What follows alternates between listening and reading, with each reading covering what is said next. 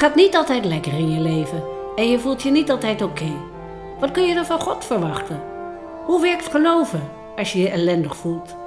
De Bijbel zit boordevol met ervaringen en gevoelens van vermoeide en gebroken mensen die God zoeken en met Hem in het leven worstelen. In deze serie gaan we op zoek naar God in de lastige en pijnlijke ervaringen van het leven, als verdieping van je geloof en bemoediging in de worstelingen.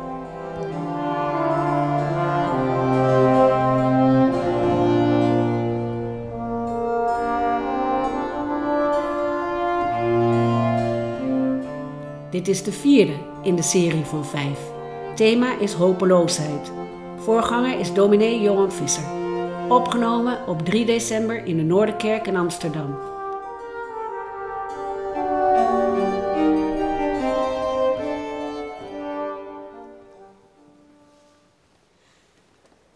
Geloven als je je hopeloos voelt. Nou, als er één Bijbelboek is waarin je de hopeloosheid proeft, dan is het wel het boek Klaagliederen, waar we nu uit lezen. Klaagliederen 3. En we lezen de versen 1 tot 12 en daarna 19 tot 33. En aansluitend zingen we een klaagpsalm, zou je kunnen zeggen, psalm 77, de versen 7 en 8 uit de Oude Beruiming. Klaagliederen 3.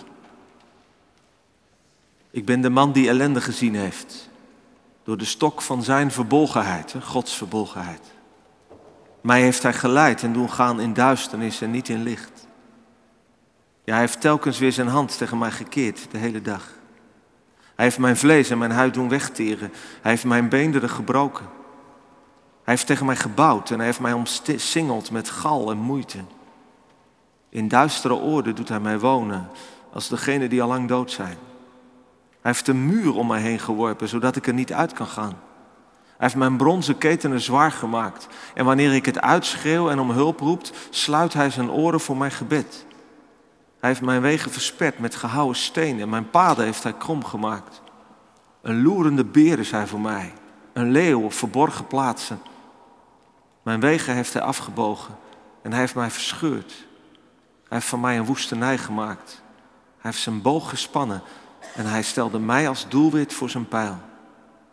Dan lezen we verder in vers 19. Denk aan mijn ellende en mijn ontheming, aan de alsem en de gal. Mijn ziel denkt er onophoudelijk aan, ze buigt zich neer in mij. Dit zal ik ter harte nemen. Daarom zal ik hopen. Het is de goede tierenheid van de Heer dat we niet omgekomen zijn, dat zijn barmhartigheid niet opgehouden is. Nieuw zijn ze elke morgen. Groot is uw trouw. Mijn deel is de Heer, zegt mijn ziel, daarom zal ik op hem hopen. Goed is de Heer voor wie hem verwacht, voor de ziel die hem zoekt. Goed is het te hopen en stil te wachten op het heil van de Heer. Goed is het voor een man als hij een juk draagt in zijn jeugd. Laat hij eenzaam zitten en zwijgen, omdat hij het hem heeft opgelegd. Laat hij zijn mond in het stof steken, misschien is er hoop. Laat hij zijn wang geven aan wie hem slaat. Laat hij met smaad verzadigd worden. Want niet voor eeuwig verstoot de Heer. Want wanneer hij bedroefd heeft, zal hij zich ontfermen naar de grootheid van zijn goede tierenheid. Want niet van harte verdrukt hij en bedroeft hij mensenkinderen. Zalig ben je als je het woord van God hoort en het bewaart. Gemeente van Jezus Christus. Het schilderij waarvan jullie de afbeelding zien op de liturgie en als het goed is, wordt hij ook in de uitzending geprojecteerd. Ja, heel goed. Um, dat schilderij heeft de titel Hoop. En dat had je misschien niet gedacht. Dat vond ik wel opvallend toen ik het zag. Want de vrouw die de Engelse schilder George Frederick Watts uitbeelde, lijkt eerder hopeloos. Tegenovergestelde van de hoop. Ze zit geblinddoekt en neergebogen op een roesbruine aardbol. Met de lier in haar handen, waarvan nog maar één snaar heel is. Je kunt het bijna niet zien op de afbeelding, maar er zit nog maar één snaar op. En ik weet niet hoe u, hoe jij de hoop zou uitbeelden als je een schilderij zou mogen maken of een tekening of een foto, maar ik denk niet dat je direct aan, dit beeld zou denken. Misschien eerder een kleurige regenboog. Of vrolijk lachende kinderen. Of als je dan een, de hoop, een vrouw zou kiezen voor de hoop, dan zou je misschien eerder denken aan de Marianne van de Franse Revolutie, die daar staat, vuist geheven, naar de toekomst kijkend. Of wat rustiger, de vrouw van het vrijheidsbeeld in New York. Maar Watts, die schilder, wil ons blijkbaar laten zien, laten voelen dat hopeloosheid en hoop heel dicht bij elkaar liggen. Dat ze eigenlijk met elkaar verbonden zijn. En daarmee laat hij denk ik ook iets zien wat hoop in de Bijbel is. Want hoop in de Bijbel ontstaat meestal op het nulpunt. In de hopeloosheid. Uit het lijden. Als je er niets van ziet. En die hoop komen we ook tegen in het boek Klaagliederen. Het is maar een klein boekje met vijf klaagzangen, klaaggedichten. Die allemaal draaien om de verwoesting van Jeruzalem door de Babyloniërs in de zesde eeuw voor Christus en de gevolgen daarvan voor het volk van God. Het boekje wordt nog steeds in de synagoge gelezen op de dag waarop de verwoesting van de eerste en de tweede tempel wordt herdacht. De eerste vier van die gedichten, die eerste vier hoofdstukken, zijn alfabetische gedichten. Ieder vers begint met een letter van het Hebreeuwse alfabet. Vijfde is niet alfabetisch, maar heeft wel evenveel versen als het alfabet. 22, het Hebreeuwse. En de middelste is drie keer zo lang als de andere. Elke letter heeft drie versen. Je kunt in de, in de Statenvertaling dat ook zien, aan de, aan de rechterkant. Drie versen alef, drie versen beet, enzovoort. Het heeft dus iets van een eindeloze klacht. Van A tot Z. Over de verwoesting van de stad die nu eenzaam en leeg ligt te treuren. Over de bitterheid van, van, de, van het leven. Het gal en, en alsem, gif worden vaak genoemd als beeld. Nou, iedereen die wel eens een keer gal heeft moeten overgeven, die weet hoe dat voelt. Zo is het leven. De vijandschap, de spot van anderen over God, die een tegenstander is, die het je moeilijk maakt, die als een roofdier op de loer ligt om je te pakken. En over de eigen schuld van jezelf, van het volk. En het houdt maar niet op. En als je, als je ze helemaal zou lezen vanavond, dan, dan zouden we denk ik langzaam worden neergetrokken in het moeras van de hopeloosheid. Maar midden in het boek, precies in het midden, in het hoofdstuk 3, vers 21 tot 36, doemt opeens uit al dat hopeloze en bittere geklaag toch de hoop op. Dit zal ik te harte, harte nemen. Daarom zal ik hopen. Alsof die vrouw van Watts, alsof die onverwachts die ene snaar van haar lier aanslaat. En een voorzichtige, maar hoopvolle toon haar wakker maakt. Nee, zowel dus het schilderij als, als het, het uh, Bijbelse boek Klaagliederen laten dus iets zien van de hoop. Die volgens de apostel Paulus blijvend is. Hoop blijft tot het einde van de tijden. Als een onverwoestbare kracht die alles te maken heeft met God. Ook als alles hopeloos is. Ook als je alleen maar kunt klagen. En als het over hopeloosheid gaat, is dat misschien ook wel het eerste wat we misschien moeten doen. Als je de hoop verloren bent of misschien dreigt te verliezen. Klagen. Nu is klagen geen fijne bezigheid. En mensen die dat veel doen, dat zijn niet de prettigste mensen om bij in de buurt te zijn. Ik mag niet klagen, zeggen we vaak als het redelijk gaat. Of ik mag eigenlijk niet klagen, want als ik het vergelijk met. En natuurlijk, er is het klagen van verwende mensen die die denken dat ze recht hebben op alle geluk. En als het dan eens een keertje tegen zit in het leven, dat die dan gelijk beginnen te klagen. Maar toch kan klagen ook goed zijn. En gaat de Bijbel ons daarin voor. In de coronatijd werd aan een bekende theoloog gevraagd of de Bijbel ons misschien een, weg kon wijzen hoe we met die crisis en met de, ja, het gevoel van somberte wat, wat er was en de machteloosheid, hoe we daarmee om konden gaan. En het eerste dat hij zei, dat vergeet ik niet snel meer. Hij zei het eerste wat de waar de Bijbel ons mee helpt in deze tijd is de praktijk van het klagen. Want klagen kan wel degelijk een manier zijn om je ziel gezond en je geest gezond te houden of, of te maken. En het vol te houden. Als het leven niet verandert en je de hopeloosheid niet zomaar wegkrijgt. Je kunt natuurlijk van veel de hoop verliezen. Als je dromen voor het leven niet uitkomen. Of in stukken vallen. Of als je te veel negativiteit tot je negatief nieuws krijgt, ziet of hoort, dat je afgestomd raakt of angstig, kun je ook je hoop van kwijtraken. Of als je wanhoopt aan de toekomst van de aarde, of van je kinderen, of van Nederland, of van de kerk en het geloof.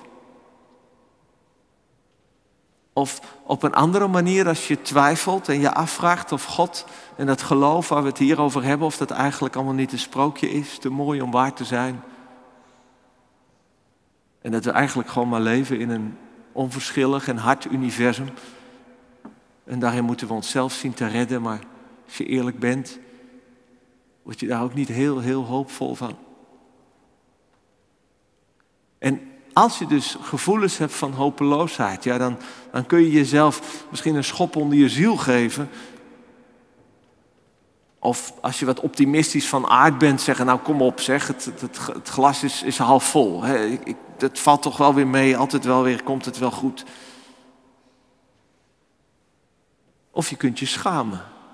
Gebeurt denk ik ook veel. Dat je zegt, ja, als ik geloof, hè, als ik een gelovige ben, dan kan ik dat toch niet denken en dan kan ik dat ook niet voelen. Ik zou veel, veel steviger gewoon moeten vertrouwen dat het goed komt en dat God erbij is. En, en sowieso moet je een beetje dapperder zijn, kom op. Ik denk dat wij allemaal weten, als je echt wel eens te maken hebt gehad met hopeloosheid, met wanhoop, dat het zo simpel niet werkt. En klagen is dan denk ik een andere route die er in ieder geval voor zorgt dat die hopeloosheid niet vast in je komt te zitten. Het geeft lucht. En wat volgens mij klaagliederen, of dat nu een psalm is of deze, deze gedichten zijn, wat die, wat die ook doen is dat ze een soort, soort, soort grens aangeven ook, een soort orde in je klagen. Je, je hoeft jezelf niet helemaal te verliezen aan al je emoties en je eigen wanhoop die in je kan zitten. Het helpt om het zo met die woorden van, van, van de Bijbel te doen. En ze maken je klagen en je hopeloosheid tot een gebed. Want je brengt je, je hopeloosheid bij God. En of je daar nu heel veel of, weinig of helemaal niks, niks van voelt, er gebeurt natuurlijk wel iets als je bidt. God wordt geraakt door jouw hopeloosheid. En mijn hopeloosheid of uw hopeloosheid wordt geraakt door God. En ik denk dat het gevaar is bij, als je de hoop verliest, dat je daar alleen bij blijft. En dan kun je bitter worden. Of onverschillig. Of cynisch. Of je raakt helemaal vast in je slachtofferschap. En dan zijn het altijd de anderen die het hebben gedaan. Dan kom je ook in een bepaald vorm van klagen terecht. Maar dat is echt een andere soort klagen dan hier. Of, en dat is misschien wel het ergste, je, je wordt de wanhoop ingetrokken. Maar in het klagen kan er iets anders gebeuren. En dat zien we hier wonderlijk genoeg in die klaagliederen. Midden in dat klagen gebeurt er iets. Middenin. Dus niet aan het begin en ook niet aan het eind, maar in het midden. En dat zegt volgens mij iets van, dat betekent het is nog niet klaar. Je, je, je worstelt met je hopeloosheid, je vragen met jezelf, met God, met wat er is gebeurd. En, en daar middenin verschijnt de hoop. En dat gebeurt in vers 19.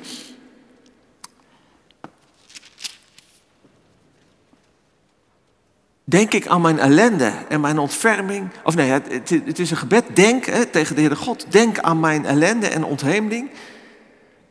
En dan, mijn ziel denkt er onophoudelijk aan. En dan, dit zal ik ter harte nemen. Daarom zal ik hopen. En je vraagt je af, waarom die, die omkeer in het laatste? Hoe zit dat? Is dat een soort flits waardoor opeens de situatie of de gedachten veranderen? Of is het een bewuste keuze? En ik denk eigenlijk dat het een bewuste keuze is. Net zoals dat in Psalm 77 gebeurt, die we hebben gezongen. Voordat, eerst zegt, de dichter, het doet me pijn als ik eraan denk, Heere God, dat u veranderd bent, dat u helemaal niks meer doet. En dan, ik zal de daden van de Heer gedenken. En hier midden in dat klaaglied over God die een beer is, die een leeuw is, een keiharde tegenstander, over bittere ellende en over je eigen stommiteiten en schuld. Dit zal ik ter harte nemen. Daarom zal ik, zal ik hopen. En, en wat, wat neem je dan ter harte? Ja, de goede tierenheid van de Heer. De trouw, de liefde, de barmhartigheid van God die toch niet is opgehouden. We leven nog. Er is elke morgen weer leven. En God is er ook nog. En mijn deel is de Heer. Dit zijn woorden uit de geloofsbelijdenis van het Oude Testament. God is barmhartig en genadig, rijk aan goede tierenheid en, en trouw. En, en opeens gaat in het klaaglied besluit die klager daaraan te gaan denken. Daar zal ik aan gaan denken. Dat zal ik gedenken. En met dat je dat doet, ga je dus blijkbaar ook anders kijken naar, naar je leven en wat er gaande is. En dan blijkt God toch geen roofdier te zijn. En begint er iets van hoop te gloren. En ik denk dat dat een, een bijbelse weg is als je de hoop bent verloren. Midden in het klagen. Gedenken, ter harte nemen. Midden in het leven dat hopeloos voelt, denken aan God. Je herinneren aan wat God heeft gedaan. Want herinneringen creëren hoop. Zoals geheugenverlies wanhoop creëert. Dat schreef de theoloog Walter Brugeman. Herinneringen creëren hoop. En als je alleen maar in het heden leeft, creëert dat wanhoop. Ja, welke herinneringen gaat het dan om? Ik denk in de eerste plaats dat het in de, in de Bijbelse context gaat over de herinneringen van, ja, van, de, van de bevrijding uit Egypte. We zijn al eens uit de slavernij en door de zee heen bevrijd. En wij herinneren ons, Jezus, er is er bij ons al eens één uit de dood opgestaan. Dwars, dwars door de dood heen, toen we dachten dat alle hoop verloren was. En in je eigen leven kan dat denk ik ook zo zijn. Dat je zegt, hij heeft me al eens uit de put opgetrokken. En ik dacht, misschien is dat die vrouwenhoop of meisjehoop, hoe je ze noemt.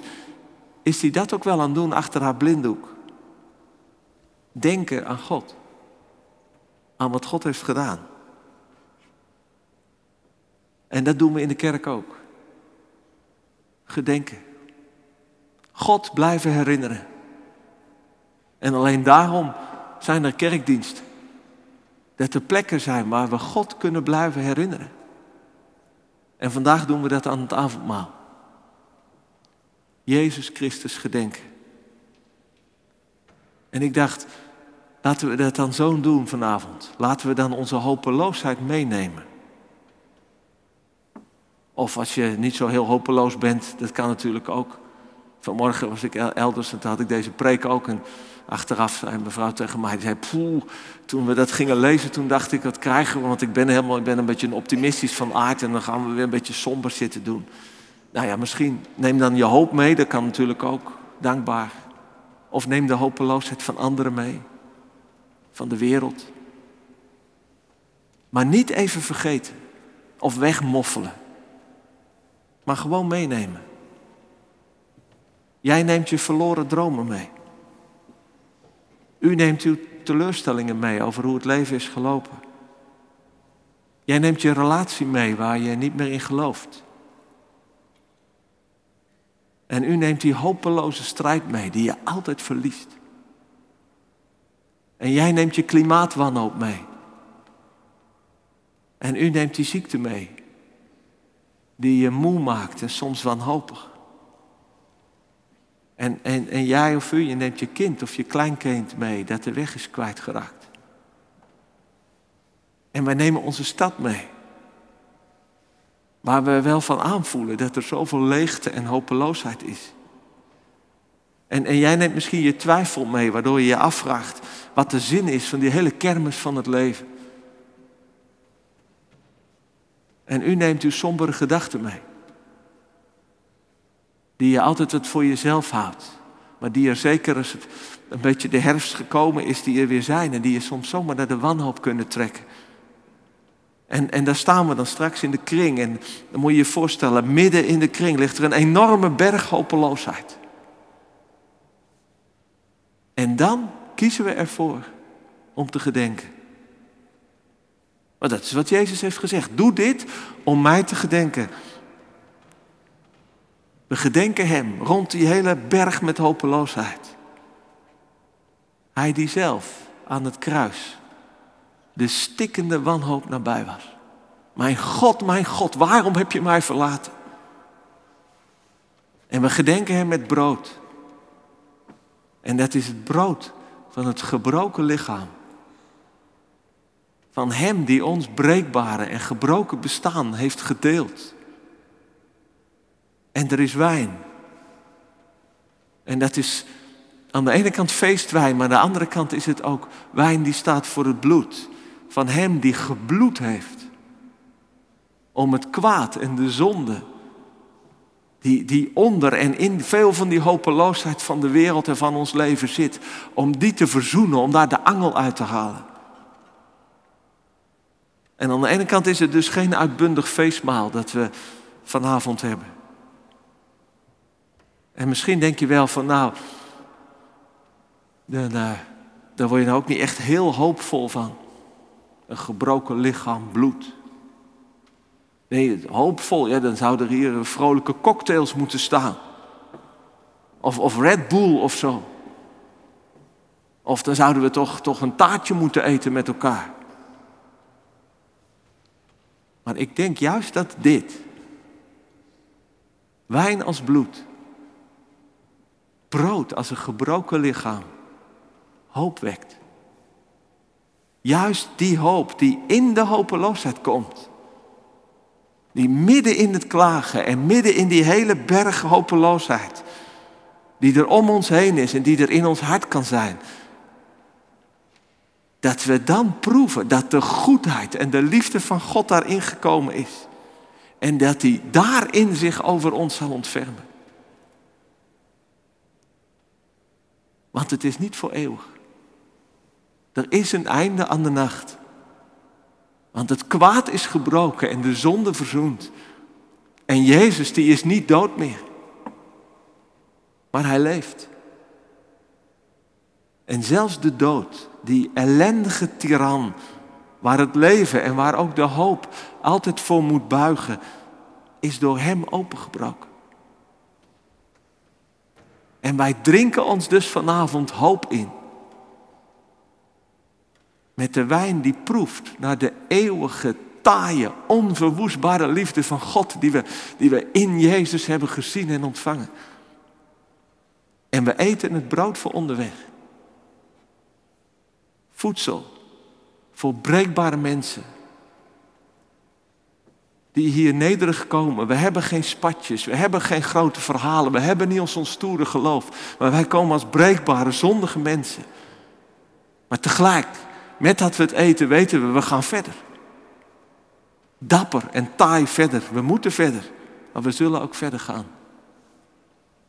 Gemeente, als we iets nodig hebben in onze tijden, dan is het wel deze hoop. Geen optimisme. Dat mag je hebben als je optimistisch bent. Wees er gezegend mee natuurlijk. Maar we hebben denk ik deze hoop nodig. En laten we daarom blijven gedenken. De God van de hoop. Die ook de God van de hopeloze is. Amen.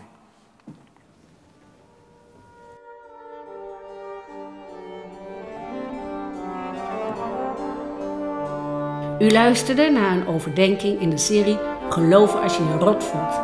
Mijn naam is Loes Hussein Cornelissen en deze podcast werd gemaakt door Michiel Dumont.